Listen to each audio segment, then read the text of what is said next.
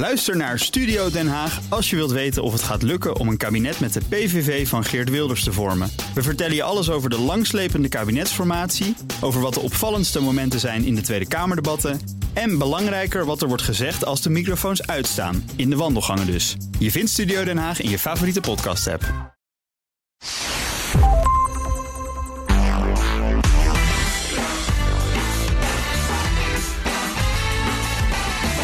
Welkom bij de Ben Tichelaar podcast bij BNR, de wekelijkse podcast over persoonlijk leiderschap. Elke week hebben we een bijzondere gast met inzichten en ideeën die je helpen om je verder te ontwikkelen in je werk en de rest van je leven. Mijn naam is Ben Tichelaar en mijn gast in deze aflevering is niemand minder dan Fons Trompenaars. Welkom Fons. Dankjewel Ben, een plezier om hier te zijn. Ja, ik ga eens even een paar dingen uh, eventjes noemen uit jouw rijk cv. Fons Trompenaars, wereldberoemd als schrijver, adviseur en spreker op het gebied van cultuurverschillen en crosscultureel leiderschap. Een eigen adviesbureau op dit gebied, maar daarnaast ook verbonden aan de Vrije Universiteit, Webster University, een hele reeks andere instituten. En, en wereld, wereldberoemd ook geworden met het boek Riding the Waves of Culture. Je hebt veel boeken geschreven, maar dit is volgens mij het best verkochte boek over de afgelopen jaren. Klopt dat? Ja, dat klopt. Dat, uh, de andere boeken schreef ik namelijk om goed te verkopen. En dan verkoop je nooit goed.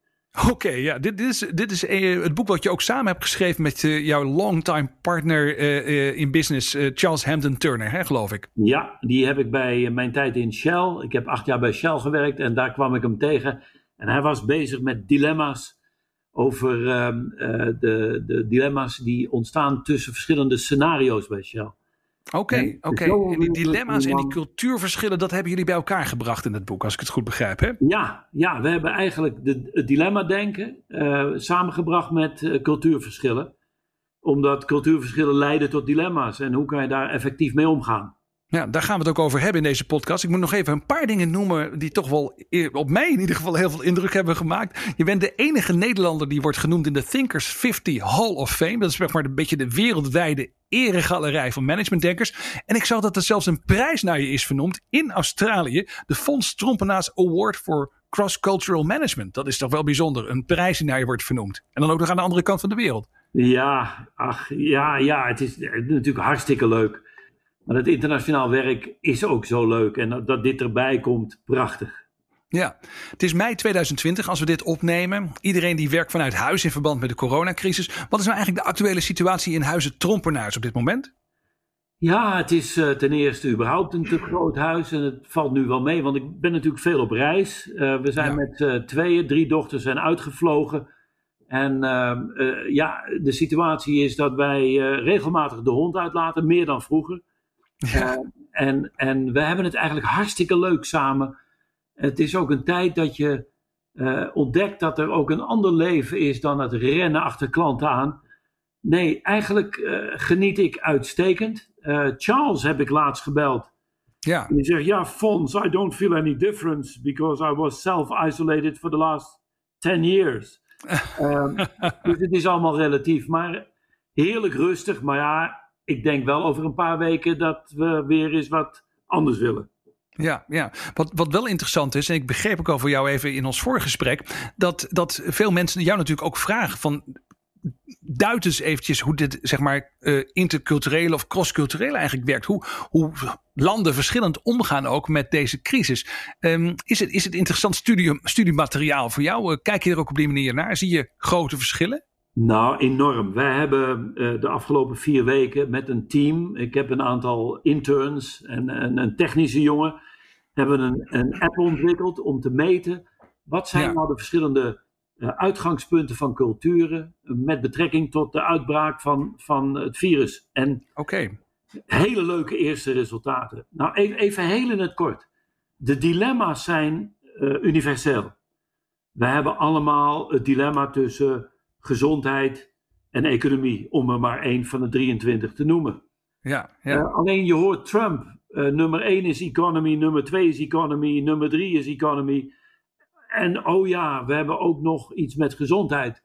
In Nederland is het andersom. Uh, ja. Met andere woorden, de dilemma's zijn wel dezelfde, maar we hebben verschillende startpunten. En wat wij meten op het ogenblik, is wat zijn de verschillende startpunten van de verschillende landen in de wereld. Oké, dat is interessant. En je, zegt, je noemde net al even het getal 23 dilemma's die jullie al hebben vastgesteld met jullie research appen, zoals ik het begrijp. Ehm, kun, kun, je nog een paar noemen? Um, wat voor soort dilemma's hebben we mee te maken? Nou, bijvoorbeeld een hele interessante, ook in Nederland, is het geven van vrijheid aan individuen die je dan verantwoordelijk stelt voor hun eigen individuele vrijheid, versus groepsolidariteit. Dat is een hele interessante, want als je dat bij elkaar brengt, en ja, het bij elkaar brengen heet, kun jij mensen individueel verantwoordelijk stellen voor het feit dat ze de groepen respecteren. Uh, want als je namelijk alleen gaat voor individuele vrijheid ten koste van de groep, heb je een groot probleem. En dat dreigt een beetje, we dreigen een beetje die kant uit te gaan. Als je alleen maar gaat voor de groep ten koste van individuele vrijheid, heb je een ander probleem. Ja. Dus je moet altijd die tegenstellingen bij elkaar weten te brengen. Dus altijd zoeken naar het juiste evenwicht wat zeg maar in een bepaalde cultuur werkt. Precies. En, en eigenlijk het evenwicht zal wel gelijksoortig zijn, maar het startpunt is verschillend. een, een andere, een, een goed voorbeeld denk ik is digitaal versus analoog. Ja we, we merken als we veel digitaal gaan, nou god, ik mis toch wel ja, die, die, die face-to-face benadering. En als je altijd face-to-face bent, zeg je nou, het is wel eens lekker om iets digitaal te doen. Precies, dan is het ook wel fijn om gewoon even te vergaderen op afstand en lekker to the point en, en efficiënt te vergaderen met elkaar. Precies. Ja. Precies. Ja. zeg, wat, wat, misschien ook wel interessant is, want dat zul je waarschijnlijk ook met heel veel interesse hebben bekeken, is de, de klassieke tegenstelling bijna zou je kunnen zeggen tussen Noord-Europa en Zuid-Europa. Als het dan gaat op bijvoorbeeld op het gezamenlijk dragen van de financiële lasten van deze crisis. Hoe heb je dat bekeken? Nou, we, we zien uh, een, een, een, natuurlijk een heel groot verschil, met name korte versus lange termijn. Je ziet ook in ons, dat noemen we dan time horizon, om het maar even, even duur te zeggen. Je ziet dat in, in het noorden van Europa men vaak een veel langer uh, tijdshorizon heeft dan mensen in het zuiden, waar het toch vaak meer om het heden gaat. En, en natuurlijk heb je beide nodig. Maar om de korte termijn in de context van de lange termijn te stellen, zoals de eurobonds en uh, de weerstand in Noord-Europa daartegen, omdat het een korte termijn oplossing is tegen de crisis, maar lange termijn eigenlijk een soort heroïne is om verder niks aan het wezenlijke probleem te doen. Ja. Uh, daar, daar zie je dus hele grote verschillen. En het leuke zou zijn om dat eens helder op tafel te leggen. En daar zijn we nu mee bezig.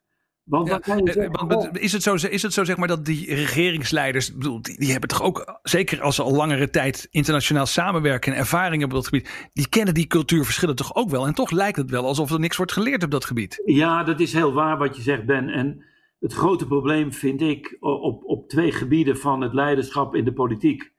Ten eerste ben je altijd afhankelijk van de korte termijn uh, gedrag van de stemmer. Dus je bent altijd weer bezig met wat zal de stemmer daarover zeggen. En het tweede is dat, hè, zoals Einstein zei, je kan nooit een probleem oplossen op het niveau waar het probleem is ontstaan. Nou, een heleboel problemen worden nationaal gezien, maar wij moeten een internationale aanpak hebben die, die de nationale problematiek overstijgt. Ja, ja, als, als stemmers nog steeds lokaal blijven, en dat zijn ze, er is geen Europese verkiezing die uitstijgt boven je nationaliteit, zullen we dit probleem altijd blijven houden. Ja, daar zie jij ook niet op korte termijn een oplossing voor komen. Nee, maar behalve een flinke crisis, dan zullen we wel moeten. En je ziet Europa ook nu op een aantal aspecten ook naar elkaar kruipen. En dat is maar goed nieuws ook, want je kan dit probleem niet nationaal, alleen nationaal oplossen. Deze podcast die gaat over persoonlijk leiderschap. Hè. Dat kan je heel breed interpreteren. Maar uh, misschien leuk om eventjes van het, uh, het grote, de, de, de Europese problematiek en de coronaproblematiek eventjes een stapje terug te doen naar het dagelijkse leven van Fons Trompenaars. Uh, je hebt ontzettend veel kennis in de loop van de jaren opgedaan door je research. Je houdt je niet alleen maar bezig met cultuurverschillen, maar kijkt ook naar dingen als dienend leiderschap. Je bent met veel verschillende onderwerpen bezig. Wat is nou een inzicht, een thema, een, een, een theorie, uh, iets wat je hebt ont, uh, ja, iets wat je bent tegengekomen eigenlijk uh, in je loopbaan, waarvan je zegt dat heeft mij ook persoonlijk wel echt geraakt en veranderd. Ja, nou, ik denk oh, heel bazaal. Een Franse moeder, waar ik uit geboren ben, en een Nederlandse vader, geef je al een basis om te denken: hé, hey, er zijn verschillende logica's. Ja. Ze zijn alle twee eigenlijk wel logisch, maar het zit wel in een spanningsveld. Maar dat, heeft je, dat heeft jou gevormd van jongs af aan, maar was dan ook een bepaald moment dat je, dat je inzag, zeg maar, waar die verschillen tussen beide ouders dan vandaan kwamen? Dat je, zeg maar, oog voor cultuur kreeg ook? Ja, dat, dat wel. En dat is met name toen ik ging rationaliseren daarover. En dat was in de tijd dat ik economie studeerde. Ja. Dat, je, dat je toch ook merkt, ja, van een, een leuke theorie, maar het is wel erg Nederlands. Want als ik dit nou in mijn Franse familie zou toepassen, ja, dat gaat niet werken. En, en, ja, precies. Uh, nou, dat, dat is nogal versterkt geworden later. Als je dan je proefschrift erover schrijft. En, en voor mij de grote uitdaging uh, was het, het, belangrijke fenomeen van leiderschap. Ik merkte gewoon als je de leiderschapsliteratuur las, hè, Warren mm -hmm. Bennis uit de tijd, hè, uh, er zijn een heleboel interessante boeken, maar je ruikt bijna de nationaliteit van de auteur. Ja, Als ja. je dan een Frans boek leest en niet een Amerikaans boek over leiderschap, ten eerste zijn het er wat minder, maar um, dan gaat het over: ben jij um, bij de École Polytechnique geweest? Ben je in Parijs geboren en ben je man? Oh, grand patron. Ja, de Amerikanen zeggen: waar heeft die het over? Het gaat toch over visie? Of het gaat over executie? En ze swappen van het ene extreem naar het andere. Dan lees je een Chinees boek over leiderschap. Dan zeg je ja, ook uit ervaring, dat gaat toch over hele andere dingen. Maar nu Ja. hebben wij steeds meer multiculturele groepen. Ehm, en, en wat voor een leiderschap zet je daarboven? En voor mij, Ja. een van de inzichten die ik heb opgedaan, ook door ervaring, is een tweetal dingen. Ten eerste, het leiderschap, dat noemen wij dan dienend leiderschap, werkt in elke cultuur. En de metafoor is de familie, hè, de goede vader, de goede moeder. Wat, wat hebben die voor een karakteristieken? En, en dat zie je, dat werkt in elke cultuur. En dat is Oké, namelijk... maar dat is interessant. Hè? Je bent verbonden aan een instituut bij de Vrije Universiteit dat zich bezighoudt met servant leadership, met, met dienend leiderschap. En je zegt dat is een vorm van leiderschap die werkt dus los van cultuur. volledig uitstijgend boven cultuur. Als je ook alle iconen ziet van religies, of Ja. dat Mohammed is, Je- Jezus Christus, eh, Boeddha, eh, dat zijn allemaal dienende leiders geweest. Namelijk, die waren bezig om anderen, de maatschappij, eh, de volgelingen, beter te laten presteren. Ja. Een, een leider is een goede leider in elke cultuur, is altijd bezig om anderen beter te laten presteren. Zoals een vader of een moeder dat doet met kinderen. En, ja, en, ja. en dat is door een- zichzelf ook vaak weg te cijferen, door niet de eerste plek te willen innemen. Dat hoort er dus allemaal bij. Ja, Interessant. en, en ook, het is dus een leider die allerlei dilemma's reconciled, verzoent. Ben je Ja. soms streng, top-down, maar op andere momenten ben je bottom-up. En, en probeer je in, in ja, onbeperkte liefde eh, eh, de persoon op een hoger niveau te brengen. En, en dat zijn inzichten die eigenlijk heel simpel zijn, maar Ja. werken in elke cultuur. Interessant. Dus dat is eerder biologisch dan cultureel, zou je bijna zeggen dan. Ja, ja.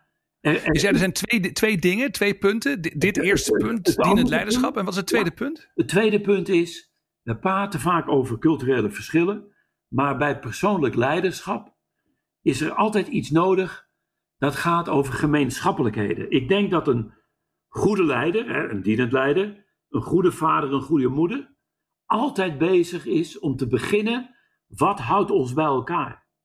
Ja. Wat zijn de gemeenschappelijke taken? Wat is onze purpose? Hè, raison d'être.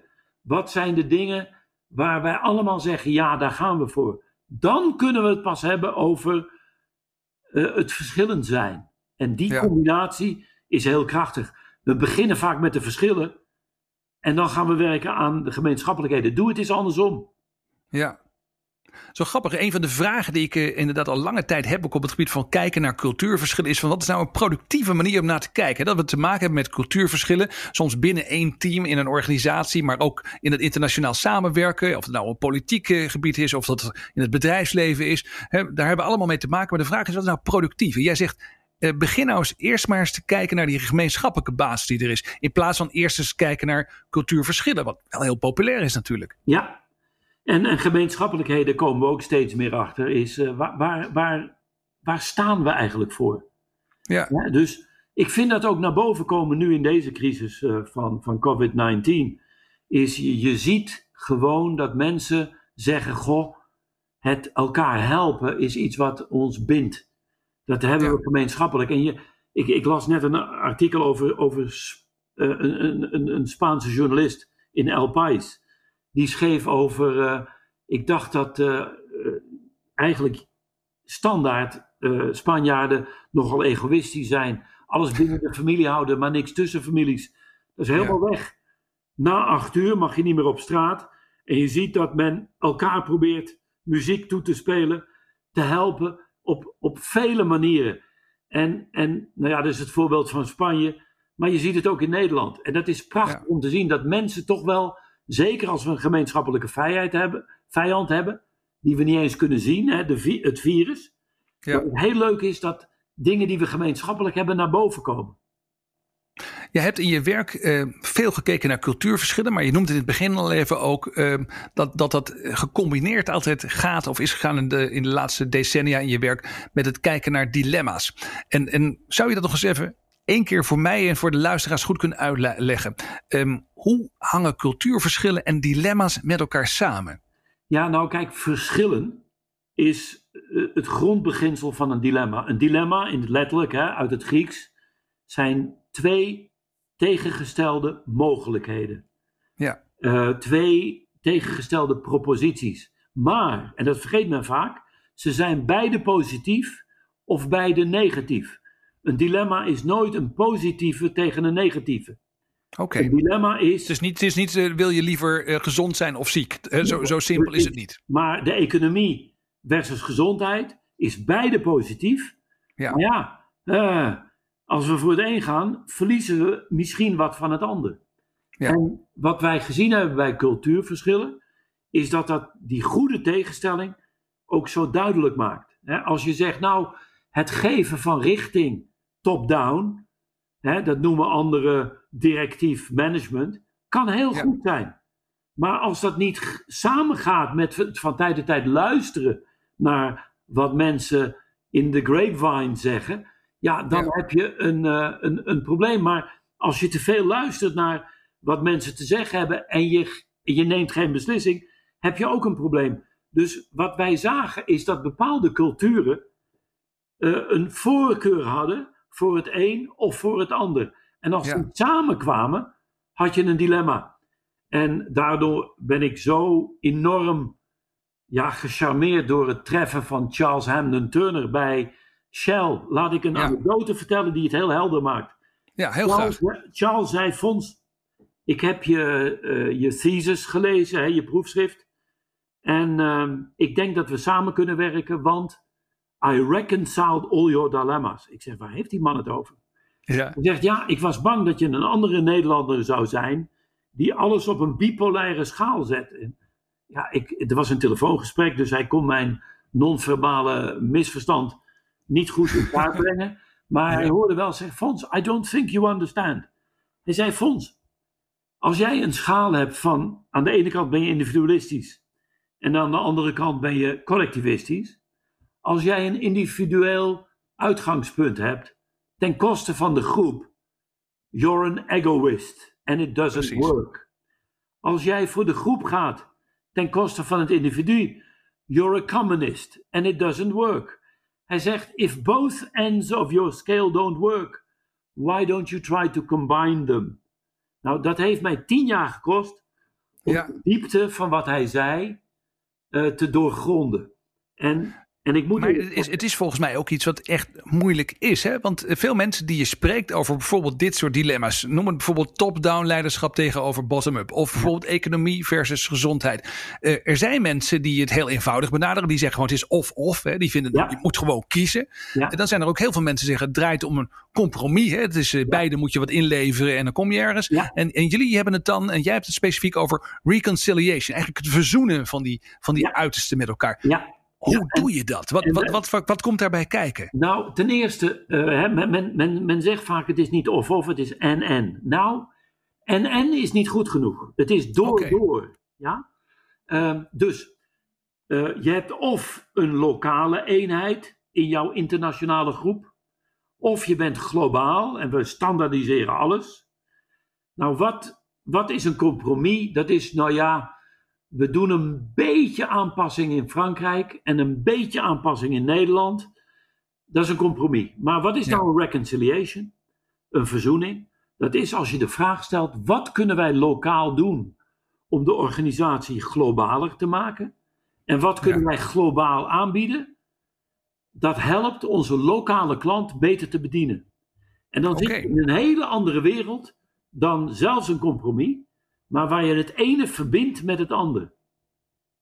Bijvoorbeeld, En precies, ik wou net zeggen, een voorbeeld, dat zou heel erg helpen op dit moment. Want ik probeer het in mijn hoofd allemaal te omvatten, maar in voorbeelden helpen. nou bijvoorbeeld het Nou, laat, laat ik het even op COVID-19, eh, eh, over onze corona, coronacrisis. Ik Ja. vind het eigenlijk prachtig dat Zweden, en dat is lokaal, het anders doet dan Spanje, dan Italië, dan Nederland. En laten we zien op de lange termijn wat nou het beste was. Maar een goed leider zal zeggen: als ik nou dat aspect van Zweden, de beste praktijk uit Zweden, combineer met de beste praktijk uit Italië. En dan doen we een Nederlands sausje over. Ja, Dan hebben we beste praktijken die lokaal zijn ontstaan bij elkaar gebracht. ja. Die een oplossing eh, geeft die zo goed is dat we dat moeten standaardiseren voor iedereen. Dat, dat zou de beste oplossing zijn. Dat is de manier waarop je het optimaal aanpakt. Ja, en je ziet ook dat de beste producten in de wereld allemaal lokale onderdelen hebben. Ja, Als ja, je een auto uit elkaar haalt, dan zeg je nou, die airbag, ja, die is in Zweden gemaakt, want die zijn nogal goed in veiligheid. En die banden, ja, dat is Pirelli, dat hebben ze in Italië gemaakt. En, Ja, ja, eh, ja. et cetera, et cetera. En we hebben het in elkaar gezet in België en we hebben het verkocht in Amerika. Ja, ik noem Ja. maar wat gekke dingen, maar je kunt dus de beste praktijken bij elkaar brengen, zolang de relatie tussen die onderdelen, en dat is Ja. leiderschap, maar, en wat ik nu mis in Europa, is iemand die zegt, ja, we hebben dit in Zweden bekeken, we hebben dit in Spanje bekeken, dat brengen we bij elkaar en dat gooien we eruit. Ja, die overstijgende blik waarbij je eigenlijk al het goede zeg maar, van die verschillende landen en werelden combineert, Ja, die ontbreekt. Ja. En dat zie je ook. Goudsmit, hè? Eh, ander voorbeeld. Goudsmit, Harvard-professor, viroloog. Ja. Wij ook, ehm, wij, wat wij missen op het ogenblik in Nederland, is de interdisciplinaire aanpak. Waarom? Als je virologen en artsen bij elkaar zet, krijg je een medische oplossing, maar die kan een dilemma niet aan. Als je economen bij elkaar zet, dat, die kunnen weer andere dilemma's niet aan. Ja. Wat we moeten hebben is een interdisciplinaire groep die met elkaar bespreekt wat de beste oplossing is om eh, de crisis aan te gaan. Ja, dat is natuurlijk ook een interessant gegeven. Als je denkt in termen van het verzoenen van eh, dilemma's, dan heb je dus ook mensen nodig die aan beide kanten van het dilemma staan en ook met elkaar dat gesprek aangaan. Ja, ja, en dat die echte dialoog hebben en dan ook plussen en minnen van elkaar zien, zodat je Ja. zegt, hé, hey, kunnen we die plussen van ons beiden niet eens combineren? Dus de vraag te stellen, wat kunnen wij met de economie doen op het ogenblik dat ons gezondheidssysteem helpt? Ja. Wat kunnen we met het gezondheidssysteem doen dat de economie helpt? Die vraag hoor ik nooit stellen. Ik hoor alleen maar mensen de ene kant harder schreeuwen dan de andere kant. Zeg, ehm, we hebben heel veel in korte tijd geleerd even nu van jou op het gebied van cultuurverschillen en hoe je daarmee omgaat. Dilemma's ook eh, rond cultuurverschillen en hoe je daarmee omgaat. Maar wat is nou een hardnekkige mythe in jouw wereld? Wat is nou iets wat heel veel mensen wel geloven, maar wat niet klopt als het gaat om cultuur en cultuurverschillen? Nou, een hele flauwe is eh, dat de Fransen individualistisch zijn. Oké, moet ik als Frans iemand zeggen. Wij hebben er zelf ook onderzoek naar gedaan. En dat, ja, het is een beetje, ja, een beetje contre-cœur. Maar Fransen zijn zeer groepsgeoriënteerd. Alleen, wij kennen die groepen niet in Nederland zoals de, de elite vanuit academia. Dat is in Frankrijk heel sterk. Maar de Nederlander ziet dat niet. Daarom zie je ook vaak in Nederlands onderzoek dat de Fransen individualistisch zijn. Omdat wij Nederlandse vragen stellen. De dus dat is ook wel interessant gegeven. Bepaalde, bepaalde dingen die je niet weet eh, over een land kun je ook niet zien. Bepaalde dingen die je niet kent van een cultuur, die neem je niet waar. Precies, en, en als je dan wat dieper gaat en je kijkt naar alle moeilijke woorden over groepsrelaties, die zijn Frans, zelfs voor Engelsen. Hè, entente, rendezvous, eh ménage à trois, voordat ik dat vergeet. Hè, eh, esprit de corps, dat zijn allemaal woorden. Nou, dit is dus een mythe die ik nu even probeer weg te halen. Ja, een, een andere mythe is de kracht van het bipolaire model. Ja. Ben je gecentraliseerd of ben je gedecentraliseerd? En in alle modellen, ook over cultuur, ben je het een of het ander. Terwijl als we een menselijk lichaam bekijken, zijn wij gecentraliseerd of zijn wij gedecentraliseerd? Nee, wij hebben bepaalde functies gecentraliseerd om meer decentralisatie toe te staan. Ja.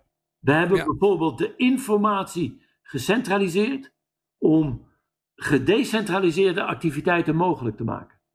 En je zegt dat is, dat is dat idee dat van die twee polen die tegenover elkaar staan in cultuurverschillen. Als je daar studie van maakt, dat is dus ook gewoon een, een verkeerd idee. Zo moet je eigenlijk niet kijken. Ja, nou ja, het is een beperkt idee. Het is een onderdeel van dilemma denken. Je kan Ja. niet zeggen, hé, hey, je hebt een preferentie, hè, zoals bij Myers-Briggs, voor het denken. Of je hebt een preferentie voor het voelen. Maar wat jou een geweldige leider maakt, is dat jij je gevoelens koppelt aan je denken. En je denken koppelt aan je gevoelens. Want als je het een bent of het ander, dan- you're, a problem. Helder, helder. Ik begrijp eh, wat je zegt. Ehm, we zijn alweer aan het einde van de tijd gekomen. Ik moet afronden. Eh, mijn vraag aan jou om mee af te sluiten is: als we nou op dit gebied meer willen weten, of op andere terreinen waarvan jij zegt van nou, daar zouden we ons eigenlijk iets meer in moeten verdiepen. Eh, wat is nou een onderwerp, een film, een boek, een podcast, eh, een TED-talk, iets waarvan je zegt gewoon één ding, daar zou je eens wat tijd in moeten steken? Nou, dat is een hartstikke goede vraag. Ik, ik, in een boek, ik, ik lees niet meer zoveel, helaas. Het gaat allemaal via de iPhone. En, maar een boek dat enorme indruk, en ik heb het ook een paar keer herlezen, is The Art of Motorcycle Maintenance. Door Robert Persic. Persic. Ja. ja. ik ken het. Ja. Ik heb het in mijn studietijd gelezen. Ja. Wat aardig dat je daarmee komt. Ehm, voor de mensen die het boek niet kennen, kun je nog even heel kort eh, uitleggen waarom je moet lezen? de ervaring van wat kwaliteit is. De passie en het, het, het oog voor detail. Hè? Een vader die met zijn zoon door Amerika trekt op een motor en, en hem bijbrengt. eh, de, de, de, het geduld wat je met de machine hebt. Het slapen naast de machine. Eh, het is echt een fantastisch boek. Ik wil niet te veel weggeven, maar het geeft Nee. de essentie van kwaliteit weer. Maar goed, het is juist in deze tijd eh, waarin heel veel mensen zeggen: Nou, ik heb iets meer tijd om te lezen. Is het herlezen van zo'n klassieker wel echt eh, de moeite waard? Eh, Robert Persic, Zen and the Art of Motorcycle Maintenance. Ja. Yes. Zeg, Fons Trompenaars, heel erg bedankt voor het delen van je inzichten en je ideeën met ons. Nou, met heel veel plezier, Ben. Mooi. Dit was de Ben Tigelaar podcast bij BNR met als gast deze keer Fons Trompenaars. Vond je dit interessant? Check dan nog mijn andere podcasts via BNR of je favoriete podcast app.